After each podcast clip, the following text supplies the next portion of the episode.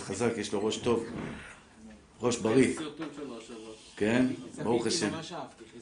הוא ילד מוכשר בלי עין הרע בן פורת יוסף, שהשם ישמור עליו שלא יהיה לנו כל רע. אז כיף לי ללמוד איתו, ישבתי איתו על הסיגריות האלה ככה בצורה רצינית. אני אגיד לכם בקצרה את השאלה פה. זו אותה שאלה לגבי אוכל של דגים. אוכל של כלבים צריך הכשר לפסח, דיברנו בזה. כל דוגלי וכל החברים שלו, כל המאכלים האלה צריכים כשרות לפסח. הכלל בזה הוא מאוד פשוט. יש מחלוקת באחרונים, האם סיגריות, בזמנם היו לוקחים סיגריות, שורים אותם בשיכר. שיכר, או בירה, או וויסקי, או שיכר. שיכר שעשוי מחיטה, כן? אתם, אתם יודעים שבירה זה חמץ דאורייתא, כן? בירה עשוי משעורים. אז היו לוקחים את הדברים האלה, שורים את הטבק, ב... שורים את הטבק ב... איך קוראים לזה? ב... בוויסקי, או בשיכר, או בבירה, אני לא יודע בדיוק באחד מהם. והיו ככה מגלגלים סיגריות. מגלגלים את הטבק וסיגריות. אז השאלה הזו נפתחה כבר במגן אברהם. המגן אברהם כותב שאסור לעשן את הסיגריות האלה בפסח, זה נקרא דבר שהוא חמץ, וחמץ, אתם יודעים, שהוא לא רק אסור באכילה, הוא אסור גם בהנאה. דבר שהוא חמץ, אסור לא רק באכילה, אלא גם בהנאה. מה הכוונה? אסור לך ליהנות ממנו. למשל, אתה רוצה לקחת בפסח אה, אה, כיכר לחם, ולשרוף אותו על מנת לעשות מנגל. אתה רוצה לקחת כיכר לחם, לשרוף אותו, שיהיה לך מנגל, לעשות, ממנו גחלים. אסור לך. זה נקרא איסור הנאה. יש בתורה, יש, יש כמה דברים שהם אסורים באכילה. כל האיסורים שבתורה, חזיר, כל הדברים האלה, אסורים באכילה. אבל אם יש לי עכשיו, מישהו נתן לי מתנה עכשיו כאילו, 100 טון חזיר, של בשר חזיר, מותר לי למכור אותו או אסור למכור אותו? מותר לי למכור אותו. חזיר, לגוי כמובן, מותר לי למכור אותו. אסור להסתחרר, זו שאלה אחרת. אסור לפתוח קצבייה של חזיר בשביל למכור לגויים, זה אסור. או מסעדה לגויים, אסור לך לפתוח מסעדה לגויים, יש גזירה שמי יאכל, אבל זה מותר בהנאה. זה נקרא איסור אכילה. יש דבר שהוא אסור בהנאה, למשל בשר וחלב. דוגמה, אדם בישל ביחד בשר וחלב, אמנם ההוא לא בישל, אבל זה כן בישל.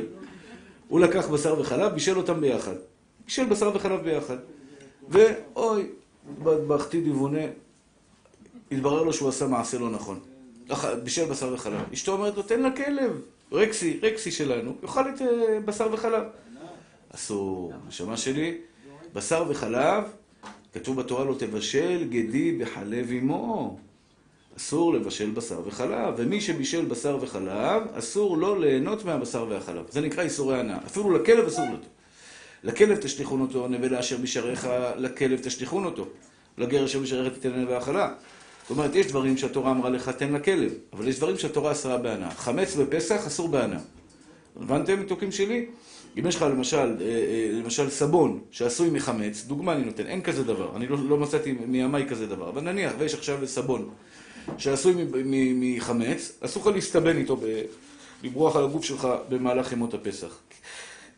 אבל אומרת הגמרא, כל דבר שנפסל מאכילת כלב, תגידו לי אתם מה נראה לכם לגבי הסיגריות. כל דבר שנפסל מאכילת כלב, אין בו איסור, אין בו איסור הנאה, מותר ליהנות ממנו. יותר נכון, כל דבר שנפסל מאכילת אדם, מותר באכילה. דבר שנפסל מאכילת אדם, מותר באכילה. סליחה, בהנאה, סליחה, צודק, בהנאה. עכשיו, המחלוקת הזאת מגן אברהם אומר שסיגריות כאלה, שסיגריות וכל דבר שיש לו, בו חמץ, שנפסל מאכילת אדם, אסור, אסור לבשל איתו. אסור, ל, ל, אסור ל, ליהנות ממנו, לעשן את הסיגריות האלה בפסח. ככה הביא הרב עובדיה, יש תשובה בחוות דעת שהרב עובדיה מביא. ואחרי זה הרב עובדיה הביא הרבה הרבה אחרונים, שכותבים בפשיטות. בפשיטות, בצורה נחרצת, שאפילו יש פוסקים שאומרים, זה, זה מצחיק אותנו להגיד שיש, שזה אסור. למה? קודם כל, לא בטוח שיש שם חמץ. קודם כל, לא, בטוח שיש שם חמץ. כל סיגריה אלקטרונית שבנמצא, או כל, כל סיגריה אמריקאית, לא מאה אחוז שיש שם חמץ. זה לא נכון להגיד מאה אחוז. זה לא מאה אחוז שיש שם חמץ. מה זה חמץ? הגה עצמך.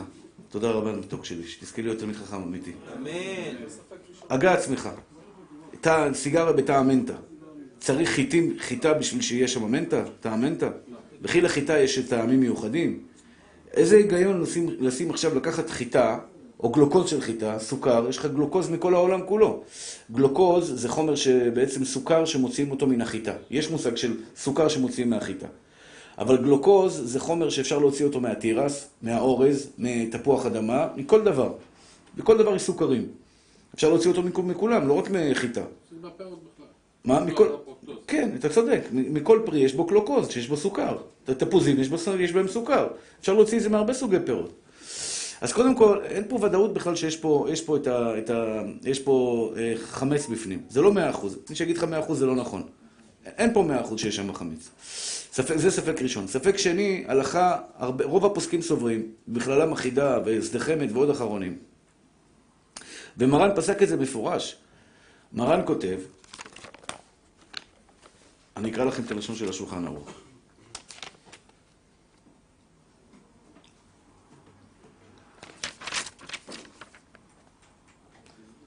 דבר שנתערב בו חמץ. דבר שנתערב בו חמץ. ואינו מאכל אדם כלל, אדם לא יכול לאכול אותו. אינו מאכל אדם כלל. או שאינו מאכל כל אדם. כלומר, אפילו אם יש קצת בני אדם, אתה יודע שהם קצת לא מאה, לא אפויים, שאוכלים אותו. אבל רוב בני האדם לא אוכלים אותו, כגון הטריאקה, זה סוג של מאכל שהיה להם, אף על פי שמותר לקיימו, אסור לאוכלו עד אחר הפסח. לאכול את זה אסור, אבל מותר בהנאה. להתרפות בזה גם כן יהיה מותר. להתרפות בזה גם כן יהיה מותר. כלומר, הכלל הזה אומר ככה, כל דבר שאני, שנתבטל, וזה כלל בכל, הלכות פסח, בכל התורה כולה, גם במהלך ימות השנה, כל דבר שנפסל מאכילת כלב, כל דבר שנפסל מאכילת כלב, אין בו, אין בו את האיסור של הנאה בפסח. לכן אוכל של דגים, אני אירחתי, יש לי דגים בבית, אירחתי את האוכל של הדגים, אי אפשר לאכול אותו. אם יבוא מישהו שיגיד לי, הרב, אני הצלחתי לאכול, אני, אני אשאל אותו מה השם שלך ומה השם של אמא שלך, ואני אתפלל עליו. כי זה בן אדם באמת באמת בעייתי. איך אתה יכול לאכול אוכל של דגים? יש אולי אוכל של דגים מסוים שאפשר לאכול אותו, אבל האוכל, לא נראה לי. לא נראה לי. זה מסריח, זה, זה ממש ברמה, מחילה מכבודכם, יש לו ריח ממש מגעיל. מגעיל. וגם, ש- צריך, מתי צריך שייפסל מאכילת כלב? יש לנו שני, שני דברים. פעמים כתוב נפסל מאכילת אדם, פעמים נפסל מאכילת כלב. מה ההבדל ביניהם, מאכילת אדם ומאכילת כלב? כשזה חמץ בעין, גמור, כמו לחם, כמו לחמניה, כמו עוגה, כמו ביסקוויט, זה חמץ גמור, צריך שייפסל מאכילת כלב. אבל אם זה תערובת חמץ, לא חמץ גמור, תערובת חמץ. הדגים, האוכל של הדגים, זה חמץ גמור או תערובת חמץ? תערובת חמץ. בסיגריות זה חמץ גמור, אתה מעשן חיטים, אתה מעשן שעורים, אתה מעשן קמח? לא, זה תערובת חמץ. תערובת חמץ, כותב מרן, מספיק שיהיה נפסל מאכילת אדם. זו שאלה יפה מה שאתה שואל. שאלה יפה מה שאתה שואל. בחזון עובדיה. זה באמת שאלה. כי הרב עובדיה כנראה החזיק, החזיק מזה, הוא שואל שאלה, למה, לפי מה שאני אומר, למה בכדורים, ולא דיברתי על הכדורים, אה, אה, הרב עובדיה כותב שכדורים שיש בהם חמץ, כדורים שיש בהם חמץ, רק חולה שיש בו, שאין בו סכנה, יהיה מותר לקחת אותם. בחזון עובדיה. מה? חמץ, אה, כדורים שיש בהם איזה. דרך אגב, למי שיש תינוקות, בבקשה, לפני שאני לא אשכח את זה. למי שיש תינוקות בבית, בבקשה, אני- שלא יבוא ולא יהיה. אבל צריך להיות בכל בית יהודי אה, בעולם, למי שיש תינוקות, שנתיים, שלוש, ארבע, חמש, אקמולי או נורופן, כשר לפסח.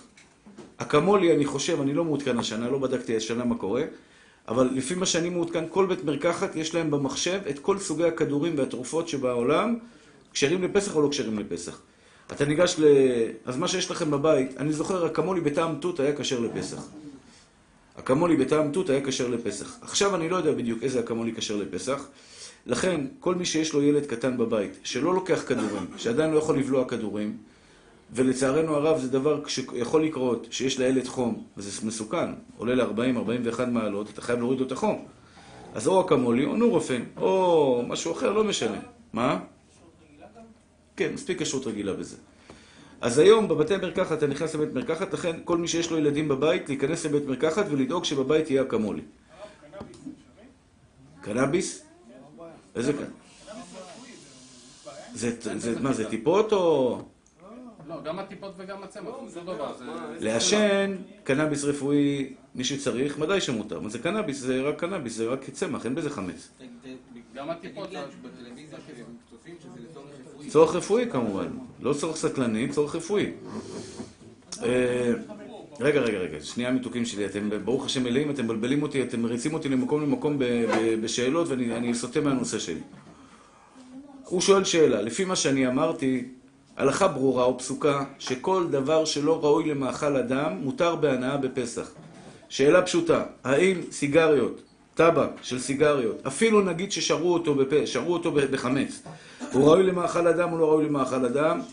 התשובה היא חד משמעית לא. אני באמת לא מצליח להבין את דעת הפוסקים שאוסרים את הדבר הזה. הרב עובדיה יש לו תשובה בהיחווה דעת לפני 40 שנה, הוא מתיר את זה, ולדעתי זה פשוט.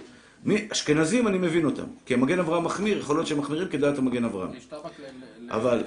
אבל, בגדול, לנו הספרדים, במיוחד שזה ספק בכלל, זה לא ודאי, זה ספק. גם על המגן אברהם קשה. מחילה מכבוד תורתו הגדולה והרבה, כן? טבק שנשרה בו, אה, איך קוראים לזה?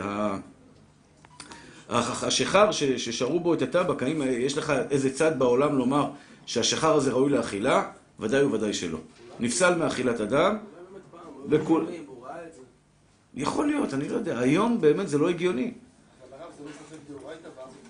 או, שאלה יפה שאלת, בני. אולי זה ספק דאורייתא? התשובה היא זה ודאי דרבנן, ודאי דרבנן, אין פה צל של דאורייתא. למה זה דרבנן? הרב עובדיה גם כתב, העיר בזה.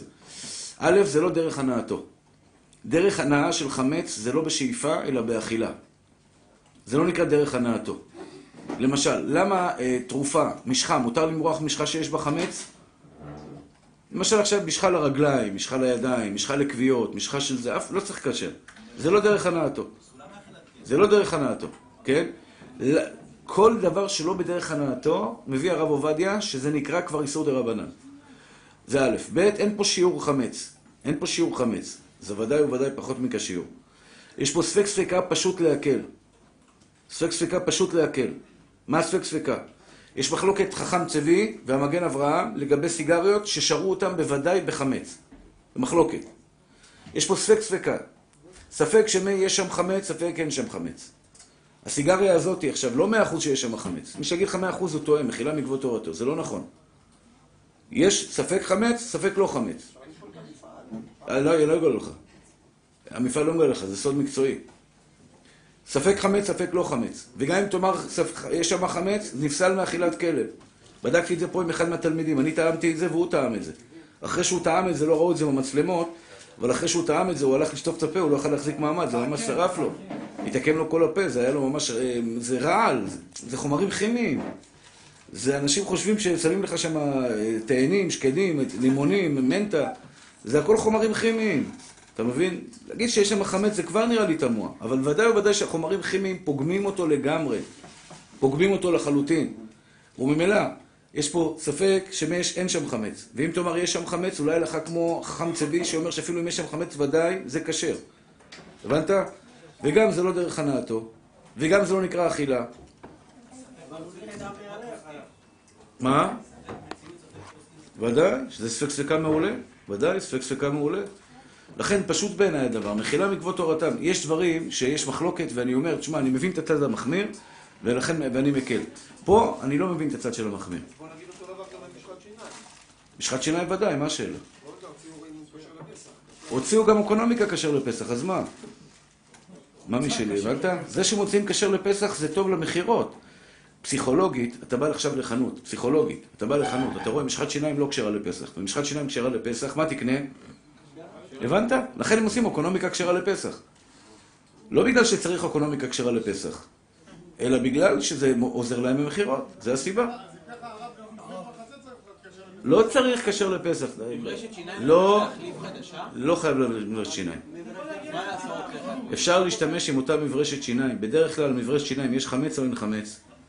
לא יודע, אצלנו בבני ברק אין חמץ במברשת שיניים. לכן, בגלל שאין חמץ במברשת שיניים, לא צריך... עוד פעם, אני מחליף מברשת שיניים, כי הגיע הזמן גם להחליף אותה מדי פעם, אתה מבין? אז אם כבר מחליפים, אז תחליף בפסח. תחליף עוד פעם, לא יקרה כלום. אבל ברעיון, ברעיון, העניין הזה של, העניין הזה של, של משחת שיניים, סבונים, שמפואים, אה, אותו דבר אה, אודם, אודם זה מוצר יותר בעייתי. עוד אם זה מוצר יותר בעייתי, צריך לקשר, לפ... אה, לא צריך לקשר לפסח, כל עוד שאין לו טעם טוב. אם יש לו טעם טוב, צריך לקשר לפסח. הכלל בזה הוא פשוט, אחים יקרים ואהובים שלי, הלכה למעשה. סוכר ומלח צריך לקשר לפסח. לא בגלל שבסוכר יש חמץ, אלא בגלל שבמפעלי האריזה שלהם, הרבה פעמים באותם מפעלי האריזה, לא תמיד זה קורה. באותם מפעלי האריזה, יש לך סוכר, אורזים סוכר ואורזים גם קמח. לכן אנחנו עושים כשר לפסח. אבל מה הבעיה? יש להם כשר לפסח בכל הארץ, אין בזה בעיה. מה מותק? ראוי למאכל אדם או לא ראוי למאכל אדם? סבון כלים? אז מה התשובה? תענה לי אתה. אם זה לא ראוי למאכל אדם, מותר לאכול או אסור לאכול? מותר להשתמש או אסור להשתמש? לפי הכלל שלמדנו? מותר. יפה מאוד. כל דבר שלא ראוי למאכל אדם, מותר בהנאה בפסח. יש לזה טעם טוב? אז זהו, אני, הדבר היחיד שאני מסתפק, אוכלים לא... אוכלים את הטבק? מה, הם אוכלים אה, סתם במפעל עכשיו, שמכינים את זה. לא, לא צריך לחשוש. לזה לא צריך לחשוש. אני דבר אחד מסתפק, אני לא יודע לענות תשובה עליו, זה ה... זה ה... איך קוראים לזה? זה ה... הטבק הרחה לא צריך קשר לפסח. מה התשובה לגבי הסיגריה? סיגר אלקטרונית מותר להשתמש בפסח בסיגריה אלקטרונית. אמרתי את זה כמה פעמים, אני חוזר ואומר את זה. מותר להשתמש בפסח בסיגריה אלקטרונית. עוד פעם, מבחינה בריאותית אני לא מדבר, כל אחד יעשה שאלת רב. אבל בחול המועד, לא בחג עצמו כמובן. אבל מצד סיגריה אלקטרונית, מותר להשתמש בפסח בסיגריה אלקטרונית, כי היא לא ראויה למאכל אדם, היא נפסלה מאכילת אדם, בדקתי את זה. מי שחושב שהיא ראויה למאכל אדם, שיבוא אליי, אני רוצה לטעום. לא, באמת, רב שיגיד לך שאתה ראוי למאכל אדם, שיבוא ויטעם איתי ביחד. אני טעמתי את זה כמה פעמים, נתתי לחתן שלי, אמרתי אולי אני חולה מסכן. כפיתי עליו שישתה גם כן. טעמתי את זה פה לידכם ונתתי לעוד תלמיד שיטעם, שלא יגידו אני אולי יש לי טעם, חוש טעם לא טוב. והוא מסכן, הוא הלך לשטוף את הפה, הוא לא החזיק מעמד. זה חומרים כימיים, תחשבו, מה נראה לכם היום? לוקחים, לוקחים תפוזים, שמים בתוך סיגריה? סיגריה אלקטרונית? מיץ תפוזים? מה, איפה? זה הכל חומרים כימיים שנותנים רק אפקט של טעם. סיגריות בטעמים, אבל זה הכל חומר כימי, ממי. היום, אה, אתה מבין, יש לך מיץ תפוזים, אתה חושב שזה מיץ תפוזים אמיתי? מיץ תפוזים של אה, אורנג' וזה. זה לא מיץ תפוזים, זה. תפוז סחוט עם אה, זה, בטח. זה חומרי טעם וריח, חומרים כימיים, שעושים לך דימוי של, של, ריח, של ריח כזה. לכן, איתי, אתה יכול להיות רגוע ממי שלי, השקט ובבטחה, יש לך כר נרחב. הרב עובדיה לפני 40 שנה התיר את הדבר הזה, ואוי ואבוי, אוי ואבוי, אם אנחנו נבוא ונאסור ונגיד שהרב עובדיה יטעה את הציבור. אני באמת, באמת, אתה יודע, יש דברים שהם ברורים לי כשמש בצהריים. הרב עליו השלום החזיק את כל עם ישראל על הכתפיים שלו. לבוא ולהגיד שהוא טעה, והטעה את הרבים כל כך הרבה שנים, 40 שנה מעשנים סיגריות, למה? כי הרב עובדיה התיר. כל הספרדים. כל הספרדים, כל הסיגריות. אני מדבר איתך על סיגריות של המגן אברהם, עכשיו הסיגריות של המגן אברהם ששרו אותם בוודאי ב... ב... ב... איך קוראים לזה?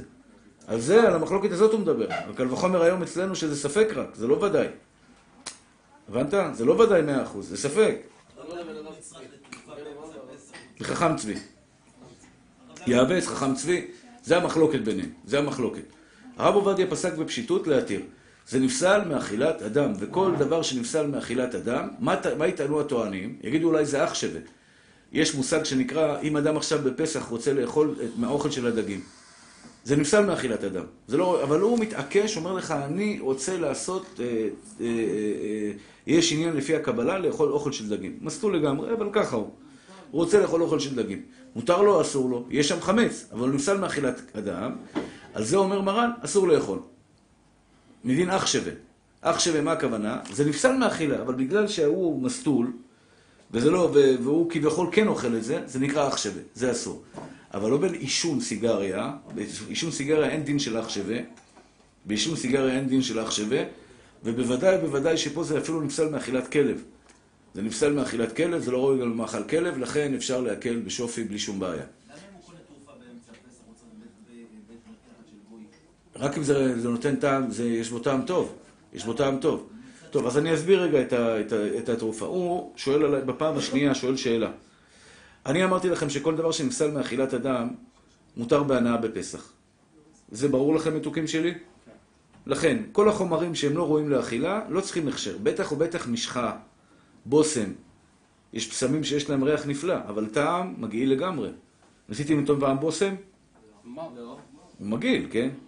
איך יכול להיות? מה, אם יש שם חומר, חומרים של... אלא מה, הבושם עשוי מחומרים... איזה חומרים? כימיים, בוודאי. נראה לך שעכשיו, אה, נגיד בושם אה, של לימונים, בושם לימונים, בטעם ריח לימונים, זה באמת לימונים? איזה לימונים? צריך 700 לימונים כדי שיהיה לך ריח של לימונים, וגם זה יתנדף ממך לאחר חמש דקות. בדרך כלל, זה לוקח קצת זמן עד שזה... לוקח קצת זמן עד שזה. אז הוא שואל, כדורים, האם מותר לקחת כדורים בפסח או אסור לקחת כדורים בפסח? התשובה היא, מעיקר הדין מותר לקחת כל סוגי הכדורים שאין להם טעם טוב. אני חוזר, מעיקר הדין מותר לקחת כדורים בפסח אפילו שאין להם טעם טוב. אבל הרב עובדיה החמיר. הרב עובדיה החמיר. למה הוא החמיר? למה הוא החמיר? זו שאלה טובה, אני לא כל כך יודע תשובה, לענות עליה תשובה, אבל נראה לי שהסיבה היא בגלל שבקלות אפשר להשיג למשל אקמול, אדוויל, נורופן, אה, אה, אופטלגין, אה, דבר מה שמגיע כנוזל. לא, לא, לא, אני מדבר על כדור. כדורים, כדור. לא, אין להם טעם טוב. אין להם טעם טוב. כולם כשרים לפסח. פחות או יותר מה שאני בדקתי הם כשרים לפסח. לכן אדם, שנייה ממי, שנייה. לכן, הרב עובדיה כתב, לכתחילה, כל בן אדם שלוקח כדורים, צריך לקחת כדורים בפסח, שיבדוק שהם כשרים לפסח. לא מצא כשרים לפסח? לא מצא כשרים לפסח? כלומר, למשל אדם לוקח איזשהו כדור ללב חס ושלום, או כדור לסוכרת חס ושלום, או כדור ללחץ דם, או לשומנים בדם, כל מיני כדורים שאדם צריך לקחת באופן כרוני, יבדוק האם יש בנמצא כשר לפסח. לא נמצא כשר לפסח, מה יעשה?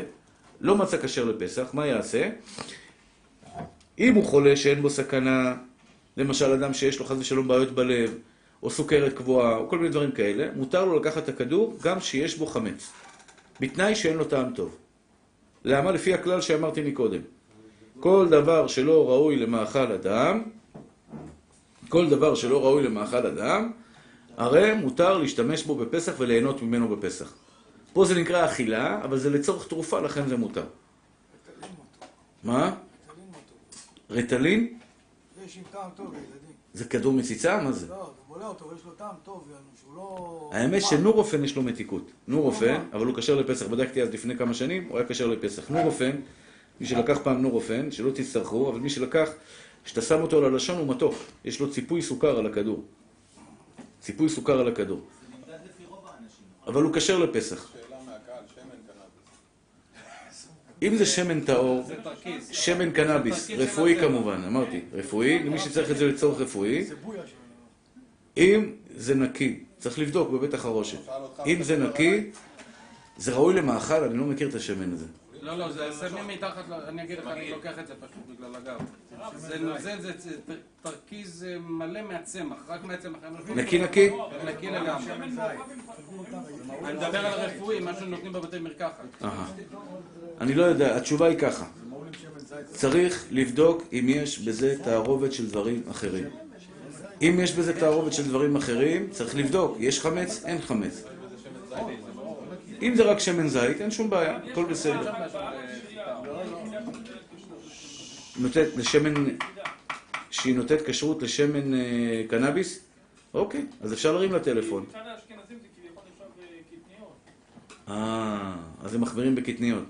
אז שרים להם טלפון, נשאל אותם האם מותר או אסור. זה נמדד לפי רוב האנשים הרב? אדם ש... כן. לכן הלכה למעשה, כדורים, מי שצריך כדור שיש בו חמץ, שיבדוק את בבית מרקחת אם אפשר להחליף לכדורים שאין בהם חמץ. אבל מי שאין לו כדורים, מי שאין לו כדורים ולא יכול להשיג, ויש בו איזה כאב או חולי, יכול לקחת כדור שיש בו חמץ בפסח, בתנאי שהכדור לא ראוי לאכילה. אבל סירופים למיניהם וכדורי מציצה למיניהם חייבים הכשר לפסח. סירופ בגלל שהוא טעים, והרבה פעמים יכול להיות שם גלוקוז, גלוקוז זה סוכר.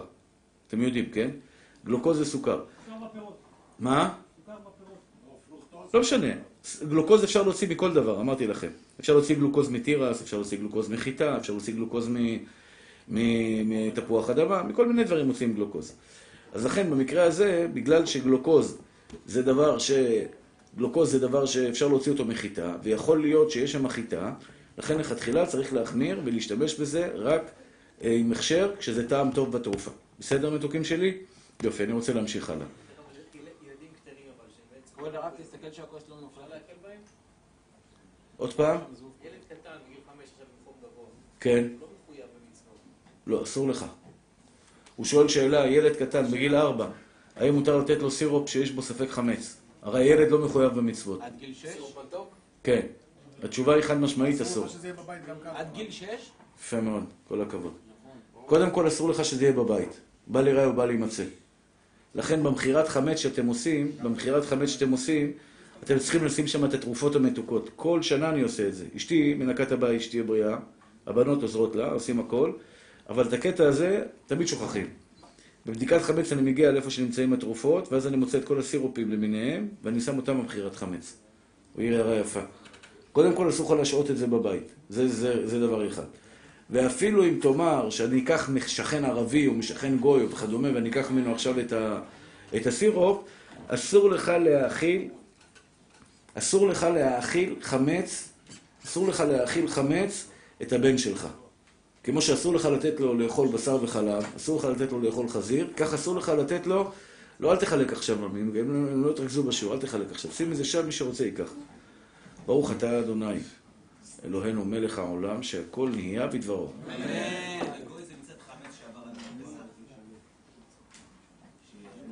טוב, אני חייב להמשיך רבותיי. אני מתקדם עכשיו לבדיקת חמץ. יום, הגמרא אומרת, המשנה במסכת אה, פסחים כ"ב אומרת, אור לארבע עשר בודקים את החמץ. אור לארבע עשר בודקים את החמץ. מה? יום חמישי בלילה. אור לארבע עשר. הגמר שואלת מה זה אור, למה אור, למה קוראים לזה אור, אבל הכוונה היא בליל ארבע עשר, ארבע עשרה יוצא י"ד יוצא ביום שישי. ביום שישי שורפים את החמץ. בסדר? יום שישי שורפים את החמץ. אור לארבע עשר, רבותיי היקרים, נא להקשיב, אור לארבע עשר, שורפים את הח... בודקים את החמץ. אפילו עוד מעכשיו, יש כאלה ששואלים, כבוד הרב, למה צריך לבדוק את החמץ? הרי, הרי האישה קרצפה את הבית, נקטה את הבית, ניקינו את הבית, טרחנו, עמלנו, ניקינו, קרצפנו. למה לבדיקת חמץ? התשובה היא חד משמעית, חייב לבדוק חמץ אפילו שקרצפת את כל הבית. תקנו חכמים. בעזרת השם, לא, יום, לא מחר, יום חמישי הבא, בשקיעת החמה, בשעה שבע ורבע, חובה על כל יהודי אחרי שהתפלל תפילת ערבית, או לפני שהתפלל תפילת ערבית, להיכנס הביתה ולקרב מצוות בדיקת חמץ. אינו דומה ניקיון של פסח לבדיקת חמץ. כלומר, אפילו שניקית לפסח ועשית וטרחת ועמלת ויגעת, חכמים אמרו לך, אתה חייב לעשות בדיקה יסודית. והדוגמה לכך, אברהם היקר, או, למה דווקא בלילה? כיוונת לשאלת הגמרא. אברהם, כל הכבוד. אתה לא בא הרבה אלינו, בזמן האחרון אנחנו רגילים לראות אותך הרבה.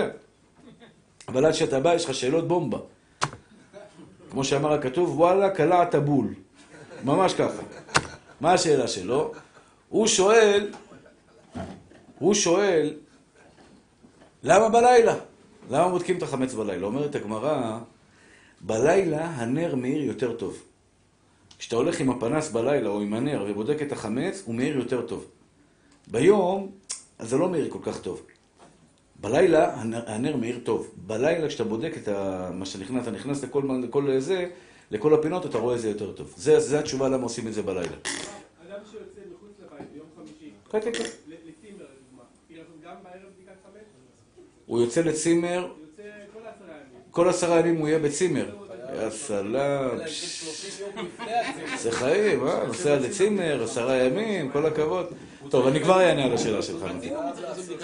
הוא חייב לעשות בדיקה, קודם כל הוא חייב למכור את הבית שלו. אם הוא לא רוצה לעשות בדיקת חמץ, הוא חייב למכור את הבית שלו. 30 יום לפני אבל רגע, מתוקים שלי, אני עוד לא התחלתי את ההלכות, יש לכם שאלות, אתם מקדימים את המאוחר. אנחנו כבר נגיע לזה בעזרת השם. וואי, נגמר לנו הזמן, הזמן שלנו טס. אה, רבותיי, בלי שאלות מהמתוקים שלי, בסדר? תתאפקו, נשימות עמוקות. מי שרוצה שאלות, תשע וחצי, יש פה רבנים גדולים, חשובים, שאלו אותם, אם תקבלו תשובה, אשריכם ואשרי חלקכם. אני ממשיך ככה. יום חמישי הבא, בעזרת השם. יום חמישי הבא עלינו לטובה, לא מחר, אלא הבא עלינו לטובה שבוע הבא, ערב פסח. נכנס שקיעת החמה, כל יהודי ויהודייה בעולם מחויבים לבדוק חמץ בביתם לאור הנר. מדובר על בית שאתה תהיה בו במהלך ימות הפסח. אם אתה לא תהיה שם במהלך ימות, במהלך ימות הפסח, יש אנשים, ברוך השם, השם חנן אותם, יש להם כסף, הולכים לבית מלון. האמת היא, אני, ליבי לא מרשה לי ללכת לבית מלון בזה, הכשרות, אתה יודע, יש מנהג אבותינו בידינו, הרבה ספרדים גם, הרבה ספרדים, מרוקאים למשל, למה עושים מימונה? למה מרוקאים עושים מימונה? קודם כל כי זה סיבה למסיבה, למה? לא אם אפשר לעשות מסיבה, תמיד זה טוב. אבל הסיבה האמיתית, כי המרוק... ככה אמרו לי צדיקים במרוקו, שבמרוקו היו נוהגים לא לאכול מחוץ לבית. רק בבית. רק אשתי, אני יודע מה היא אוכלת, אוכלת רק בבית. עכשיו, נהיה קצת ריחוק בין החברים, אתה יודע, כולם, תבוא אליי, תבוא אליו, כולם רגעים. פתאום, אתה יודע, שבעה ימים אנחנו לא אוכלים, אז כדי שלא יהיה ריחוק לבבות, חס ושלום, עושים מימונה. בסוף, יאללה, תרחבו ותסעדו. תאכלו, תהנו, מפלות, מופלטות, ותשתבח ויתעלה שמו לעד. זה תמיד במוצאתי, שבזה אני מחפש את החברים המרוקאים, נזכר פתאום בכל המרוקאים, ועם המופלטות וכל הדברים הטובים. אז באמת, הכי טוב, אם אתם שואלים אותי, פסח נשארים בבית. למה? מלא תקלות, מלא בעיות, לך תדע איזה בעיות כשרותיות, להחזיק כולם מלון שלם של 500, 600, 600, 700 איש, יש מקומות של 1,000 איש, בנקודות כשרותיות, שפועלים הרבה פעמים גויים בכלל, ערבים, אוכלים חמץ, לא אוכלים חמץ, מכניסים חמץ, לא מכניסים חמץ. לא יודע מה זה, זה נראה לי פחד, זה, אני ברוך השם מעולם, מימיי לא הייתי בבית מלון בפסח. לא עלה על דעתי אפילו לעלות לך פסח, אבל לפעמים אין ברירה. יש, יודע, נשים מסכנות אחרי לידה, איך היא תעשה פסח בבית? בעלה מפנק אותה, לוקח אותה בית מלון. לכן, מי שנמצא בבית מלון במהלך ימות הפסח, או בצימר במהלך ימות הפסח, לא נמצא בבית, מה שהוא צריך לעשות זה פשוט מאוד למכור את הבית שלו לגוי, כמו שעושים מי שלא נמצא בבית שלו. יש כאלה אומרים, תשמע, אני לא יכול לנקות את כל הבית, קשה לי. נוסע להורים שלו. זוגות צעירים, נוסעים להורים שלהם, נוסעים שם שבעה ימים אצל ההורים, או שמונה ימים בשנה, ב, ב, ב, במקרה של השנה שלנו. אז מי שנמצא בבית במהלך ימות הפסח, מי שבפסח הראשון לא יהיה בבית, אבל בפסח השני כן יהיה בבית, חייב לעשות בדיקת חמץ בבית שלו. אותו דבר מי שיש לו חנות, והוא פותח את החנות במהלך ימות הפסח, יש לו חנות מכולת, הוא חייב לעשות בדיקת חמץ בחנות מכולת. אה, משרדים, יש לך משרד, אתה, רוצה, אתה תהיה שם במהלך ימות הפסח במשרד? אם אתה לא מוכר את זה לגוי, אתה חייב לעשות בדיקת חמץ. חובת בדיקת חמץ זה מצווה מדי רבנן. עכשיו, לפני בדיקת חמץ, מהרגע שקיעת החמה ועד בדיקת חמץ, אסור לאכול יותר מקבצה פת וקבצה אה, בזונות. משבע ורבע, שקיעת החמה. עד שלא תבדוק חמץ בבית, במשרד, באוטו, אם יש לך רכבת, גם ברכבת, אם יש לך מטוס פרטי, אמן כן יהי רצון, אז גם המטוס הפרטי, אתה חייב לנסוע לנתב"ג, לעשות בדיקת חמץ במטוס הפרטי, אני לא צוחק, באמת. מי שיש לו פה מטוסים פרטיים, קודם כל אנחנו עושים קמחא דפסחא עכשיו, המצב אה, צריך לחזק, אז כשיש מישהו מטוס פרטי, שיתרום קמחא דפסחא, ובנוסף, צריך לדעת שבעזרת השם, בליל בדיקת חמץ, חייב להגיע, אה, חייב להגיע לאיירפורט סיטי, לבן גוריון, האוטובוס, ודאי, יש לו מיניבוס. בטח, ודאי. כל... החשבון הוא פשוט. כל מקום שאתה תהיה בו במהלך ימות הפסח שהוא ברשותך, אתה חייב לבדוק אותו. יש לך דירה בחיפה, מתקשר אליי מישהו, אמר לי, יש לי דירה בחיפה.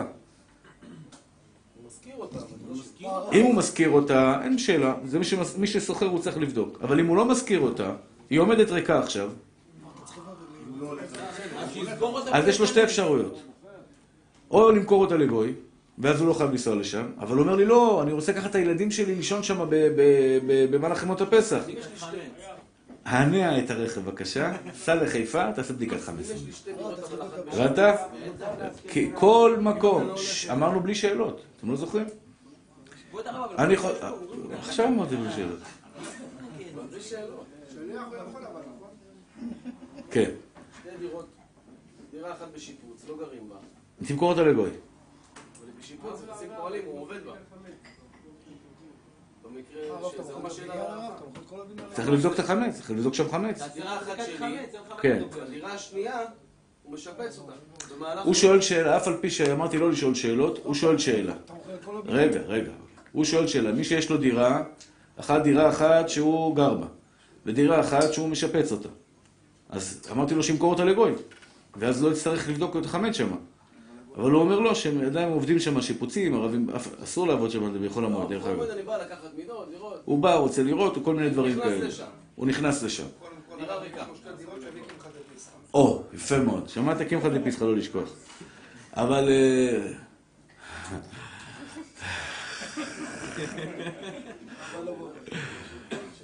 היה לפני כמה חודשים, אה, אני יוצא החוצה מהשיעור ביום שלישי, אומרים לי, הרב, אתה לא מאמין איזה רכב היה פה עכשיו. שלוש וחצי מיליון שקל.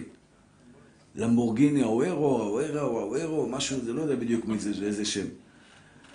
אז אמרתי להם, למה לא הודעתם לי? הייתי יוצא יותר שיעור, עושה התרמה באמצע השיעור. טוב, בקיצור, הזה.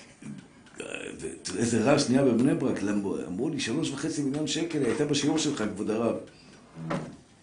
מי שלומד תורה שווה 700 אלף למורגיני ויותר מכל דבר אחר בעולם. זה הרבה יותר חשוב והרבה יותר טוב. בקיצור, מה אני רוצה להגיד לכם, אחים יקרים? וואי, בלבלתם אותי עם השאלות. בית עם אה, שתי בתים. בעיקרון, מי שיש לו שני בתים והוא רוצה להיות בשניהם במהלך ימות הפסח, הוא חייב לבדוק את שניהם. או לשלוח שליח שיבדוק לו את המקום. הבנת מתוק? אתה צריך לבדוק? עוד פעם, יש לך עכשיו דירה אחת בתפוח. עוד, או שתי דירות בתפוח. שאני גר בה, ואני עושה בבדיקה. ואתה עושה בבדיקה והכל בסדר. ועוד דירה אחת ב... לשיפוץ, זה לא... מה זה לשיפוץ? היא ריקה. לא משנה ממליץ, אז תעשה בדיקת חמץ ודירה ריקה, מה זאת אומרת? אם אתה נכנס לשם במהלך ימות הפסח, אתה חייב לבדוק אותה. גם משמשת כמחסן. כן, בוודאי. אם אתה נכנס לשם במהלך ימות הפסח. כל, כל מקום שאתה נכנס לשם במהלך ימות הפסח, טוב, רבותיי, אני חייב לזה. איפה בודקים את החמץ? קודם כל, לאור הנר. אור ל-14 בודקים את החמץ לאור הנר. מה זה לאור הנר? תקנת חכמים הייתה לבדוק את החמץ לאור הנר. בלילה הזה בודקים את החמץ לאור הנר. מה זה לאור הנר? לוקחים נר ובודקים ממקום למקום, מפינה לזווית, בכל מקום בבית, בכל מקום שהיה שם חמץ. זה כלל ראשון. בסדר? לאור הנר צריך לבדוק את הזה. השאלה היא, הנר, הרבה פעמים, אני למשל, הנר שורף לי את הזקן.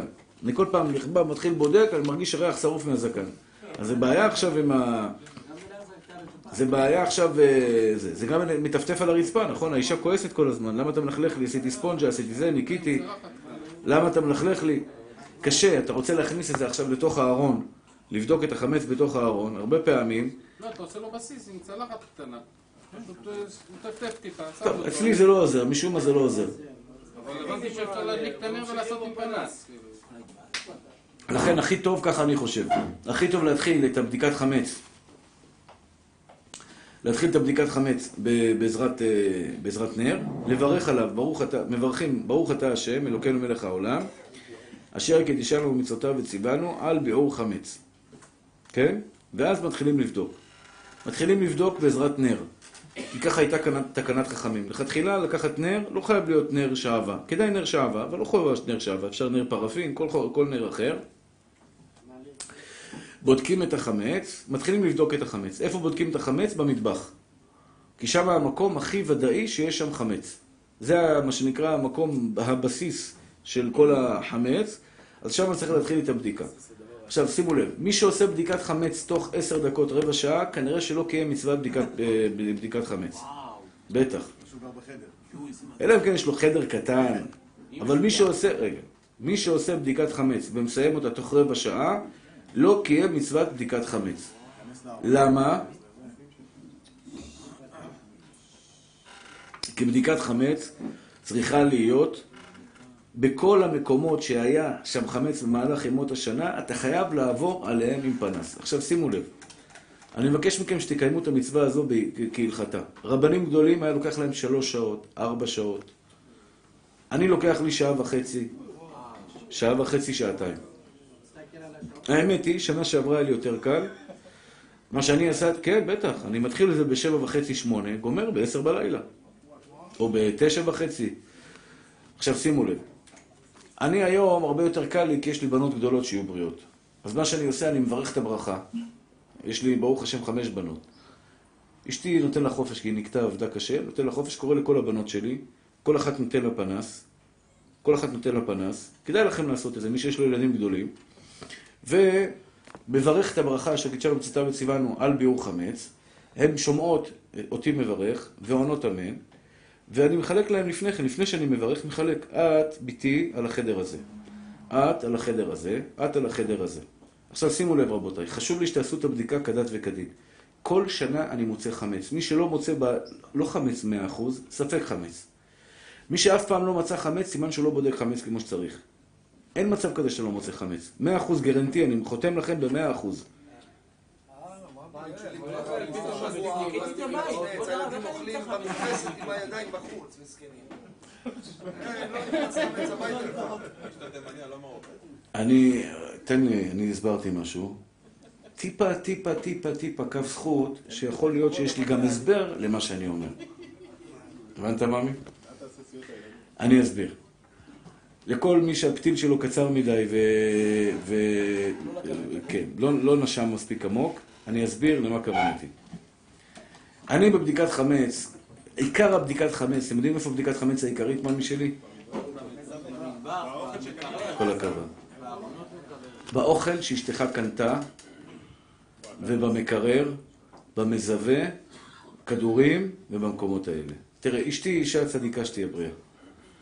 היא גם, אני כל שנה לא מוצא חמץ 100%. היו לי שנים שמצאתי חמץ 100%. חמץ 100%. 100%. לא בגלל ילדים, לא קשור לילדים. עכשיו אשתך את המקרר כבר או לא? היום התחילה. הרבה פעמים, הרבה פעמים, אני אתן לך דוגמה קלאסית, כן? גבינה פתוחה. גבינה. קרה שילד הכניס קרקר לגבינה ואכל? כל הזמן, נכון? אני עושה את זה, הילדים שלי עושים את זה. אתה יודע, מנגב קרקר. גבינה כתוב עליה כשר לפסח. מאיפה, אשתך תשאיר את זה במקרר או לא? סביר להניח שכן. אתה בבדיקת חמץ חייב לפתוח את כל הגבינות הפתוחות במקרר, את כל הדברים, את כל החומוסים הפתוחים במקרר, את כל הטחינות הפתוחים במקרר, את כל הדברים האחרים הפתוחים במקרר, כדי לבדוק, אולי מישהו שם קרקר בפנים. עכשיו, זה דבר שהוא שכיח, אחי, זה, זה בדוק ומנוסה שזה, זה, אני כמה פעמים בבדיקת חמץ, פותח חומוס, ואני מגלה, אתה יודע, לפעמים יש לך, אתה רעב קצת, אתה לוקח, אתה, מנגב. אני ארוחת בוקר שלי, אני מאוד אוהב אה, חומוס, טחינה וזה, אני לא אוהב להטריח את אשתי, לפעמים אני בא הביתה, אין אוכל, לוקח חומוס, לוקח בגלה, אוכל, ממלא זה, הכל, ואני אוכל את זה ככה. לוקח את הקרקר, מנגב, מה שנקרא, ניגוב כזה, ואוכל. יש שאריות, חמץ, בתוך, בחוץ כתוב כשר לפסח. אתה מבין? בבדיקת חמץ, תראו, אתה יודע מה ההיגיון, מה ההיגיון שחכמים אמרו לבדוק חמץ? כשאדם מנקה, הוא לא חושב, הוא מנקה. אני רוצה, לא אני, חז"ל רצו, שבבדיקת חמץ רק תחשוב. תפעיל את המוח, לא את הכוח, את המוח. כנס רגע למקרר, איפה יש פה צ- בעיה שיכולה להיות בעיה. לדוגמה, חמאה לא כשרה לפסח. אתה יודע כמה פעמים מצאתי, אני, אני אומר לאשתי היקרה, יש פה חמאה לא כשרה לפסח. יואו, התבלבלתי, קניתי חמאה, זה דמה למה ש... זה, זה, זה, זה, זה, זה, זה, זה, זה, זה. עכשיו, זה לא טעות קריטית, חמאה יש בה חמץ דאורייתא, אבל זה לא חמאה כשרה לפסח. צריך חמאה כשרה לפסח. אתה מבין? הרבה פעמים סוכריות. שכחו סוכריות. סוכריות במזווה. יש לך סוכריות במזווה? סתם מה שיש. עכשיו, כמה, כמה פעמים הסוכרות שקשרות לפסח דומות לסוכרות שלא קשרות לפסח, ושתיהן אותה חבילה. אני התקשרה אליי פעם אישה אחת, ובוכה, בוכה באמצע הפסח, אומרת לי, כבוד הרב, אכלתי חמץ דאורייתא. איך הגעת לזה? איך אפשר להגיע לזה? אומרת, בעלה קנה ופלים, הלך לחנות, קנה ופלים כשרים לפסח, עכשיו, השותה הזה בחנות, שיהיה בריא, שם את הוופלים הכשרים לפסח, ומתחת ופלים לא כשרים לפסח. הוא לקח שלוש חבילות, הוא ראה את העליונה, כשר, כתוב גדול כשר לפסח, לקח ארבע, חמש חבילות, זה איתו בבית. היא באה, לוקחת את הוופלי, אומרת, וואו, זה ממש טעים, איך יכול להיות? ואז בודקים, רואים שזה חמץ דאורייתא. עיקר הבדיקת חמץ, שימו לב, תשמעו מתוקים שלי. עיקר המשקעה של בדיקת חמץ צריכה להיות לא בחורים ובסדקים, אה, וואי, תראה, מצאתי פה חתיכת, אה, חתיכת לחם מתחת, ל, ליד הספרייה, מתחת לזה. אין, אין בזה בעיה. לא עובר על בל ייראה, בל יימצא, זה מבטל את זה, זה, זה בסדר. זה לא הבעיה. זה לא הבעיה. עיקר הבעיה, מקרר, מקרר, מקרר, מקרר. אני אומר לכם, הפתעות יהיו לכם. אם תעשו בדיקת חמץ כמו שצריך, אני אומר, אני עובר, אני אנשי אחראי על המקרר. כל הבנות שלי זה סלון וחדרים, אני אחראי על המקרר. בשר אין בעיה, נכון? בשר, מה זה אין בעיה? בטח שיש בעיה. אה, כשרות לפסח אתה שואל? מעיקר הדין, שימי שואל שאלה טובה. האם צריך כשרות לפסח לעוף ובשר? בעיקר הדין לא צריך. התשובה היא, מעיקר הדין לא צריך בשר דגים בכשרות לפסח, אבל נהגו בני ישראל להחמיר ולקנות בשר כשר לפסח. למה? העוף והבשר שכשר לפסח, התרנגולת, דאגו לתת לה לאכול רק דוחן, תירס, דברים כאלה. לא נתנו לה לאכול דברים שהם, אה, מה שנקרא, אה, בעייתיים. רגע, אם האישה בישלה לפני, אז אפשר לאכול את זה? אפשר לאכול את זה, כן. מותר לקנות איפה שהוא הרב אמר שהוא לוקח דבר, מותר לקנות איפה שהוא פסח. הרי זה חמץ הוא לא שם לב, אני מאמין. אה, זה טעות. זה טעות, כן. אה, לא שהוא לא מכר את החמץ והוא מכר חמץ. לא, לא, לא, לא, לא. הוא כנראה שכח. יש רבנים שבכלל יצאו נגד כל העניין הזה של... היום אפשר, הבנתי, ביסטי כשר לפסח, ספגטי כשר לפסח. אמרו לי ג'חנון כשר לפסח, מלאווח כשר לפסח. ראית? כן, זה הזוי, כן? לא לקחתי, לא. זה הזוי. אז יש רבנים שהם נגד זה. נגד זה. למשל, בדס בית יוסף, יש לו לחמניות, בדס בית יוסף, יש לו לחמניות כשרות לפסח. אני אגיד לך את האמת, זה טעים. אבל זה בכל... כן, כן, כן. שמעתי ככה, לא ראיתי, בתקווה, שמעתי ככה בפסח, שכונת התקווה, אתה יודע, אני לא יודע אם היום יש מסעדות, אבל כשאני הייתי צעיר, כל, כל רחוב האצ"ל בשכונת התקווה היה מסעדות, מסעדות, מסעדות. שיפודיות, שיפודיות, על האש. עד היום, עד היום יש. עד היום יש שם? כן? עד היום זה ככה? אז אה, בפסח, אני זוכר, בפסח היו מוכרים לאפות כשרות לפסח. עד היום. עד היום מוכרים לאפות כשרות לפסח? כן. באמת? לאפות כשרות לפסח. מחיטה או מ... טעים, לא. לא, כשרה לפסח מחיטה? למה שהכל? יכול להיות. יכול להיות. אתה עושה מצות, איך עושים מצות? כמו הפיתה התימנית. כמו המצות התימניות. אז בגלל, הבעיה הזו שקרתה לגברת הזאת, שאכלה חמץ בפסח, בגלל התקלה הזאת, יש רבנים אומרים, לא נותנים הכשר על שום דבר שהוא דומה, במראהו לדבר שהוא חמץ. משום מראית עין. זה לא, מחילה מכבודם, מצד ההלכה זה מותר. דבר שלא גזרו בו חכמים, אתה לא יכול לגזור גזרות מדעתך. הבנת מתוק? זה נראה לי לא טוב, אין כזה דבר. לא גוזרים גזרות מדעתך, רק מה שגזרו חכמים. דיינו מה שגזרו עלינו חכמים. אל תוסיף לי על זה גם את הגזרות שלך. כל רב יבוא יגזור לי גזרה חדשה, איפה נגמר? לא נגמור. לא ננשום, לא נאכל, לא נסתכל, לא נלך, לא נעל, לא מה נעשה? אתה מבין? אז משום מראית עין לא חוששים. אבל שואל אותי, אני בבית שלי לא מכניס את הדברים האלה. לא רוצה להרגיל יותר מדי, אתה יודע, זה, פסח זה פסח, ברוך השם, יודעים, אוכלים מה שאוכלים, רגילים לאכול את זה.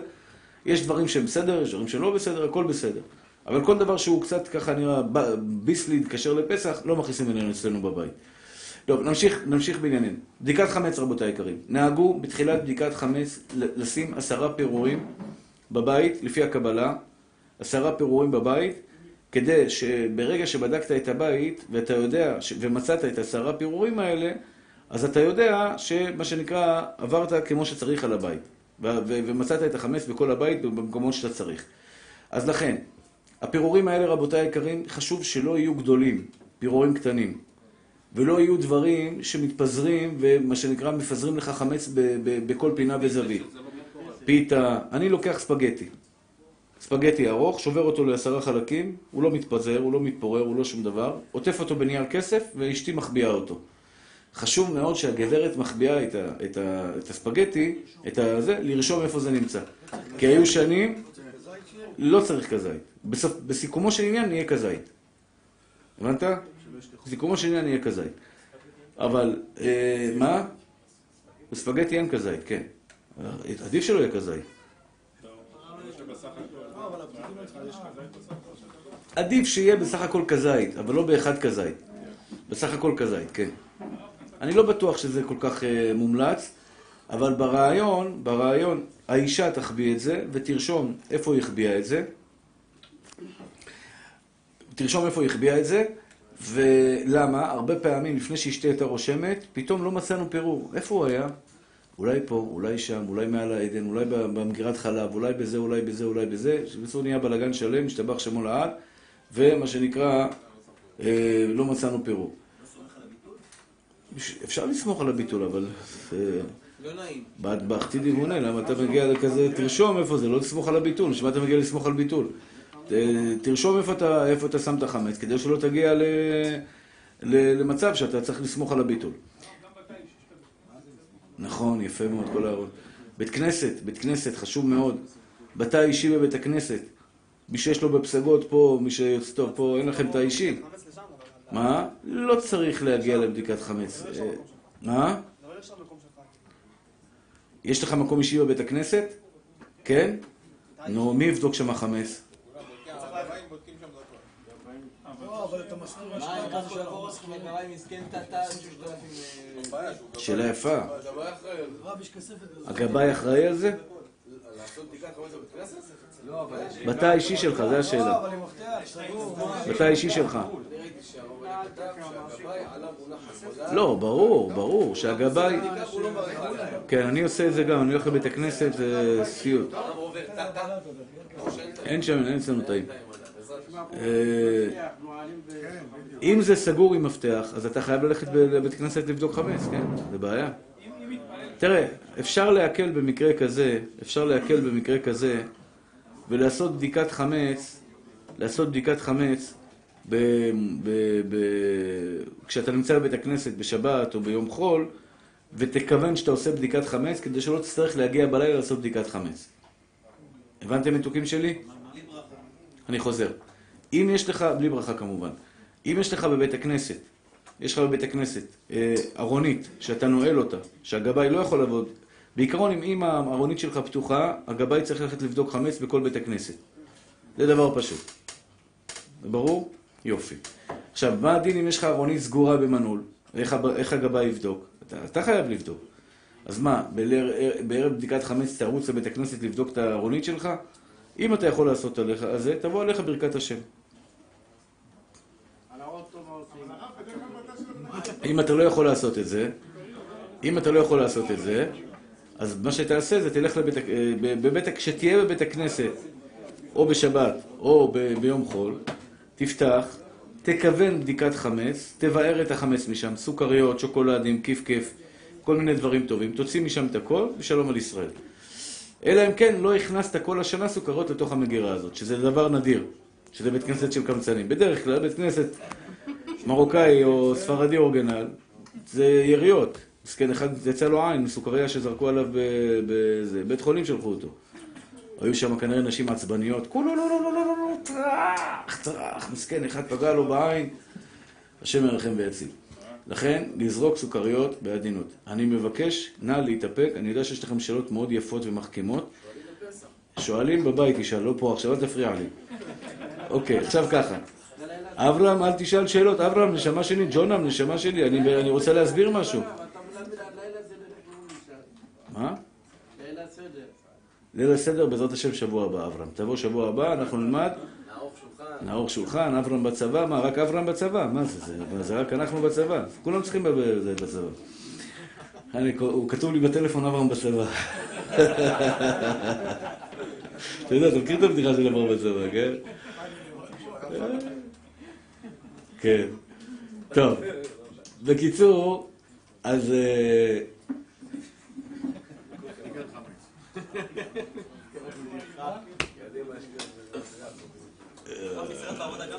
בטח. באותו יום, כן. משרד בעבודה. אם הוא נמצא שם בחול המועד והוא עובד בחול המועד. אתה עובד בחול המועד שם? לא, אז תמכור את כל החמץ שם לגוי. אתה חייב בדיקת חמץ שם, כן. אתה חייב בדיקת חמץ. עכשיו ככה, שימו לב רבותיי, בדיקת חמץ חייבים לבדוק בכל מקום, אבל רק אברהם בצבא. חייבים לבדוק חמץ בכל הפינות והזוויות שבבית. אני מבקש מכם, בבקשה, תהיו אנשים רציניים. אדם ירא שמיים זה אדם שבודק את, ה, את, ה, את החמץ כמו שצריך. כנסו למקרר, תעברו מוצר מוצר. אתם תפתעו לגלות, אני לא חס ושלום מקטרג על אנשים, אבל אנשים שיהיו בריאות מנקות, עסוקות, לא תמיד הן יורדות לפרטים הקטנים. אתם צריכים לבדוק, הכי חשוב, כשרויות לפסח. הכי חשוב. לעבור על כל השימורים שאשתך קנתה לפסח. לראות שהם כשרים לפסח, בהכשר שאתה אוכל. על כל הגבינות שהיא קנתה לפסח, לבדוק שהם כשרים לפסח. על כל השתייה שהיא קנתה לפסח, לבדוק שהיא כשרה לפסח. על כל השמנים, לבדוק שהם כשרים לפסח. יינות, פחות או יותר, כולם כשרים לפסח, אז פחות בעיה. אבל כל מוצרי האכילה יש אנשים שיהיו בריאים, מחפשים לי פירורים, אומרים, לא מצאתי פירורים. בטח, אנשים שלנו נקיות, מה, הם משאירים לך פירורים נראה לך? אין מצב שהם ישאירו לך פירורים. אבל איפה הם יכולות להשאיר לך חמץ? בטעות. בסוכריות. בשימורים. אני מוצאתי, כל שנה אני מוצא. אני עובר על כל השימורים, עובר על כל השמנים, על כל הדברים האלה, מוצא שם חמץ. לא חמץ, אה, אני כיכר לחם. אבל לא כשר לפסח. אתה מבין? שימורים? יש בדלת, אתה סוגר ופותח את הפלסטיק הזה, שכאילו רואים של הדלת עוד מתפרק, של המקרר. כן. שם יש גם עליך. נכון. טוב, זה אני סומך עליכם, רבותי היקרים, שתעשו בדיקת חמץ. לגבי משרד, אם המשרד זה משרד שאתה עובד בו במהלך ימות הפסח, אתה חייב בדיקת חמץ. חייב בדיקת חמץ. עכשיו, מי שיוצא לפני הזמן, מי שיוצא לפני הזמן, כלומר, הוא עובד במשרד יום חמישי הבא, הבא, הוא עובד עד ארבע, חמש, הוא חוזר בפסח. אם הוא לא חוזר בפסח, אין בעיה. הוא מוכר את החמץ ושלום על ישראל. לא, מוכר חמץ אם יש לו חמץ. של המשרד. אם אין לו חמץ. ברור, אבל במשרד בדרך כלל יש חמץ. נשים מה עושות במשרד? לא אוכלות ופלים, לא אוכלות אה, עוגיות, לא אוכלות דברים כאלה. כל אישה שעובדת במשרד, יש לה שם מנשנשת עוגיות, מסכנה, מה היא תאכל כל היום? היא אוכלת כל מיני, יש להם כל מיני דברים כאלה. המשרדים מלאים בחמץ, זה ברור. השאלה אם צריך בדיקת חמץ או לא צריך בדיקת חמץ. למשל, אצלנו ביביע עומר, המזכירה הרבה פעמים צריכה להגיע למשרד, לעשות העברות, לעשות אישורים, לא יודע, כל דברים שהיא עושה במשרד. אני לא בדיוק מה היא עושה, אבל היא עושה כל מיני דברים במשרד. צריך לנקות את הזה. אני אומר לאשתי, שתעזבי את המקום שלך במשרד, תעברי על כל המשרד. אם את יכולה עם פנס, תעברי, תעשי בדיקת חמץ, כדי שתוכלי לבדוק חמץ במשרד כמו שצריך. לפני הזמן? מה? לפני הזמן? לפני הזמן. כן, לפני הזמן. אם אין ברירה, עושים לפני הזמן. שאלה אפרופו לפני הזמן. אני אמור שבוע הבא בעזרת השם לעבור ניתוח אה, בגב. כבר- כבר הייתי בניתוח, הגעתי לשם, כמעט הרדימו אותי, ואז המכונה התקלקלה. מה אז טוב. צריך רק- צריכים לתת לי תאריך. אז זה יהיה מתישהו או השבוע או תחילת שבוע הבא. אוקיי. השאלה שלי כזאתי, אם יש אפשרות ש... וחול המועד אני לא אוכל... אה, כלומר, אה, יום חמישי הבא לא, אני לא כשיר לעשות אה, שום דבר. Mm, יפה. השאלה שלי אם אני יכול לעשות את כל הבדיקה לפני, ואז מראש לא להכניס חמץ לבית. איזה צדיק. אתה נשוי? לא, גרוש אבל אני מגדל אה, שני ילדים אצלי. אתה מגדל שני ילדים אצלך. וואו, אז הכל נופל עליך. וואו. עכשיו הבן שלי בצבא והבת שלי גם לומדת וגם עובדת, אז אני אמור לעשות... אז אתה עושה הכל. הוא שואל שאלה, הוא צריך לעבור ניתוח, שיהיה בריא עד 120, ובניתוח הזה הוא לא יוכל לתפקד אחר כך. זאת אומרת, יש סיכוי גדול מאוד שאחרי ניתוח הוא לא יכול לעשות בדיקת חמץ. שהוא לא יוכל לעשות בדיקת חמץ. השאלה הנשאלת, האם... לא, שיעשה בדיקה לפני כן, לפני הניתוח. עכשיו הוא ברוך השם בריא. סוף עכשיו, בדיוק, בדיוק. יודיעו לך תאריך לניתוח, יודיעו לך תאריך לניתוח. יום לפני. תעשה ניקיון, בדיקת חמץ, נקה את הבית, תכין כמו כל מה שצריך, בעזרת השם לחיים ולחיים ולשלום. אבל בלי ברכה, בלי ברכה. אתה יכול עוד אופציה, אם, אם זה יש לך אפשרות כזאת, שבזמן בדיקת חמץ, מישהו אחר יבדוק במקומך. אוקיי, בלילה צריך לרדת לאוטו לבדוק חמץ. אני מודיע לכם חגיגית, חגיגית, שמי ששלח את האוטו שלו לניקיון, לא יכול לסמוך על הניקיון בתור בדיקת חמץ. אפילו אם בדרך כלל ניקיון עולה 100 שקל, והפעם שילמת לו 200 שקל, כדי שינקה יותר טוב את החמץ, לא נחשב לבדיקת חמץ. אני ראיתי בעיניים שלי, מתחת, במיוחד מי שיש לו ילדים, מתחת לכיסאות, או בכל מיני פינות וזוויות באוטו, חבילות של חמץ. חבילות של חמץ. אני פעם מצאתי בקבוק וויסקי מתחת לכיסא. וויסקי זה חמץ דאורייתא, בטח. איך יכול להיות? איך יכול להיות? מה שקרה, אני אגיד לכם מה שקרה. אני בשנים ההם את החמץ שלי הייתי מביא פה לפסגות. שם פה בפסגות, הרב בנימין גם ככה מוכר את החמץ של קפה מדרש. הייתי מביא את החמץ שלי לזה. עד שיש לי את יביע עומר, אז גם ככה יש לי את החבילה של יביע עומר, אז אני שם את הכל שם.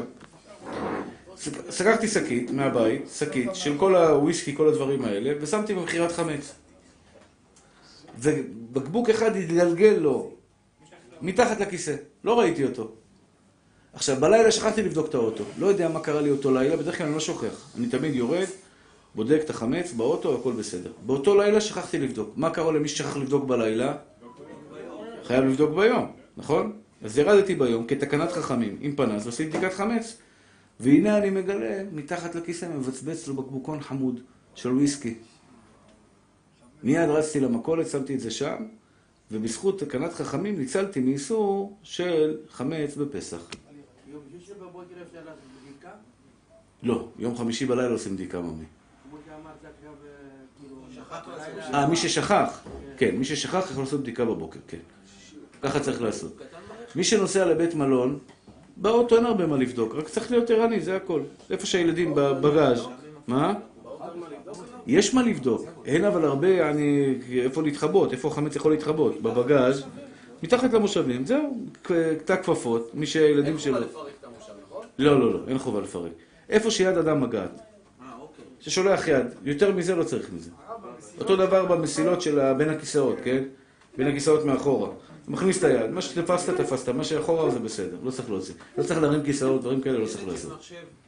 איך? במקלדת של מחשב זה שורש פורה ראש ולענה, מלא חמץ.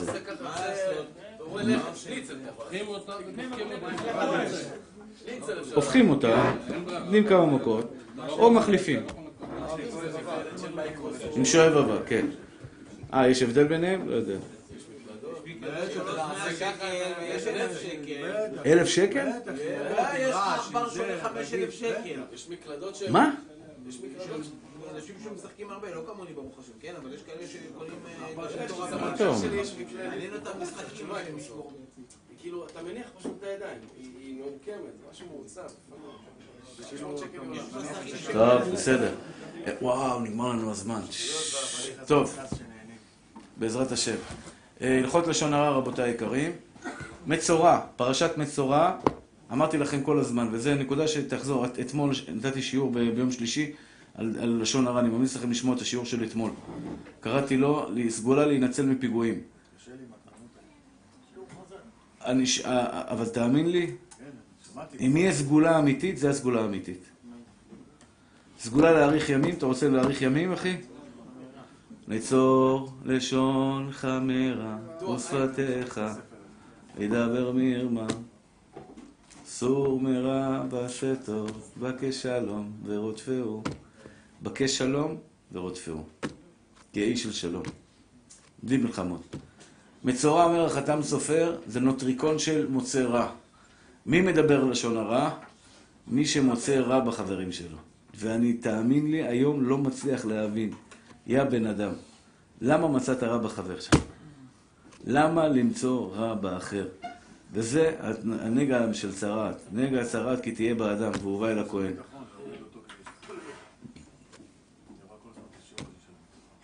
זה כל כך נכון. מי שמנסה להוריד את החבר שלו, ויש אנשים, אחד בא אליי ואומר לי, הרב שלי מספר לנו כל הזמן על הפגמים שיש ברבנים אחרים כדי שנלמד לא ללמוד מהם. מה? הוא עושה לשון הרע, אבל זה אסור. איזה דרך מקולקלת, איזה דרך לא נכונה. למצוא פגמים ברבנים כדי לבוא וללמוד ול... למה נשמה שלי? למה? מותק שלי, למה ככה? למה ללכלך על יהודי? לא כדאי ללכלך, אחי. לא כדאי ללכלך, מאמין לי. תחפש דברים טובים. חובת הלבבות אומר שהבוטח בהשם חסד יסובבנו. מה זה חסד יסובבנו? זה ההפך ממצורע. מצורע זה מצע רע, והבוטח בהשם רואה טוב. מה זה חסד יסובבנו? השתבח שמו לעד. אה, איזה אנשים טובים, איזה אנשים מקסימים. אברהם שלנו איתנו, ברוך השם. כולם פה איתנו, כל אחד ואחד לפי כבודו ומעלתו. זה מוצא טוב. אומר חובת הלבבות, נגמר לי הזמן. החלק הראשון, הדברים הנוגעים לגוף האדם. והוא חייו ומותו, האוכל שהוא אוכל לצורך מחייתו, ובגדים שהוא צריך לצורך גופו, הדירה שהוא צריך לגור בה, הבריאות והחולי של האדם ותכונותיו. האם אני צריך לפתוח על הקדוש ברוך הוא שאני אהיה בריא, או שאני צריך לעשות השתדלות? הבנתם את השאלה? גם וגם. או, יפה מאוד. הדרך הנכונה והישרה בביטחון האלוהים בכל אחד מהעניינים אלו, שימסור את עצמו ויסמוך בכל העניינים האלה על דרך ההנהגה שמתנהג איתו הבורא יתברך. קודם כל, מאה אחוז בורא עולם איתי. כלומר, אני יודע שאני בידיים הכי טובות בעולם, וכל מה שהשם עושה בעולם, לטובה הוא עושה. וידע שכל הדברים האלה אינם מסורים בידיו להוציאם אל הפועל כלל, אלא הכל תלוי בגזרת הבורא. נולדת לעולם, אתה החלטת אם להיוולד או לא להיוולד? בעל כוחך נוצרת ובעל כוחך... בדיוק.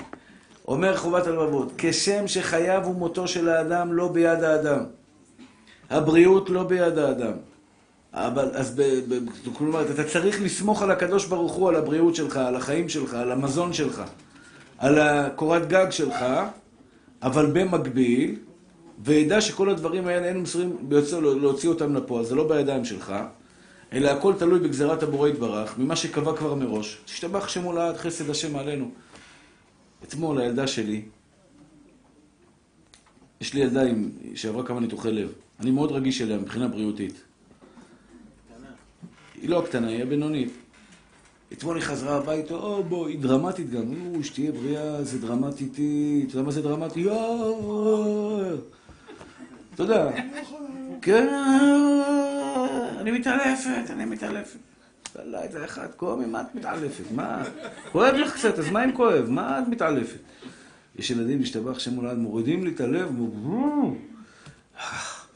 אבא.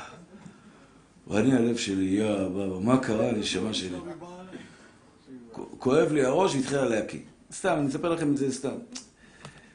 ברוך השם, ברוך השם, ברוך השם, זה התפללתי לקדוש ברוך הוא באותו רגע? אה, ריבון העולמים, אדון האדונים, שלח לה רפואה שלמה, בבקשה. ריבונו של עולם, תרחם עליי. באמת התפללתי לקדוש ברוך הוא, ברוך השם, השתבח שם הולד, אחרי כמה שעות, אה, כזה, אה, יש אירוסין היום, אז היא הלכה, התחילה כבר, אתה יודע, קוקו, לללי, לללי, בגדים, זה, נשים אוהבות את זה. אני אומר, ריבונו של עולם, אדון האדונים ואדיר האדירים, כמה אנחנו צריכים להודות לבורא עולם. איזה זכות יש לנו להתלונן בכלל? כמה צריך להודות? ילד בריא. מושיקו היקר, הילדים בריאים, שיהיו בריאים. אבל שאתה בריא. אני אומר, ברוך השם, השבוע, השנה לא הייתי בבית חולים פעם אחת, חוץ מלבקר איזה חולה. ברוך השם, ריבונו של עולם. חסד השם, הילדה בריאה היום, ברוך השם קמה, ואני התחלתי בסרטים שלי, יואו, רק שלא צריך עכשיו לקחת לבית חולים, יש לי שיעור, יש לי זה, יש לי זה, אתה מבין, יש אירוסין מחר. ברוך השם, אחרי שעה נרגע, הכל בסדר, הכל נעלם. ממש הכל נעלם. זה לא בידיים שלנו. כמה אנחנו צריכים להודות על זה? דעו לכם, סוד גדול ההודעה להשם. מי שמודה לקדוש ברוך הוא לא יחסר לו לעולם בריאות, כל החיים שלו יהיה בריא. תודו לבורא עולם על מה שיש לכם. השם ידבח ייתן לכם בעזרת השם מידו המלאה הרחבה שירה והפתוחה. לא לשכוח קמחא דפסחא רבותיי היקרים. סגרת? יש פה טפסים של מכירת חמץ. מי שרוצה לתרום קמחא דפסחא, סגרת או פתוח עדיין? אסף. סגרת כבר? פתוח. מי שרוצה לתרום קמחא דפסחא 03 8770. לסגור? יש היום אירוסין, אני הודעתי כבר, אני מודיע שוב פעם, יש אירוסין לבת שלי באולמי כליל מלכות, כליל מלכות בבני ברק. הקהל הקדוש מוזמן, ונשמח ביחד בשמחתכם.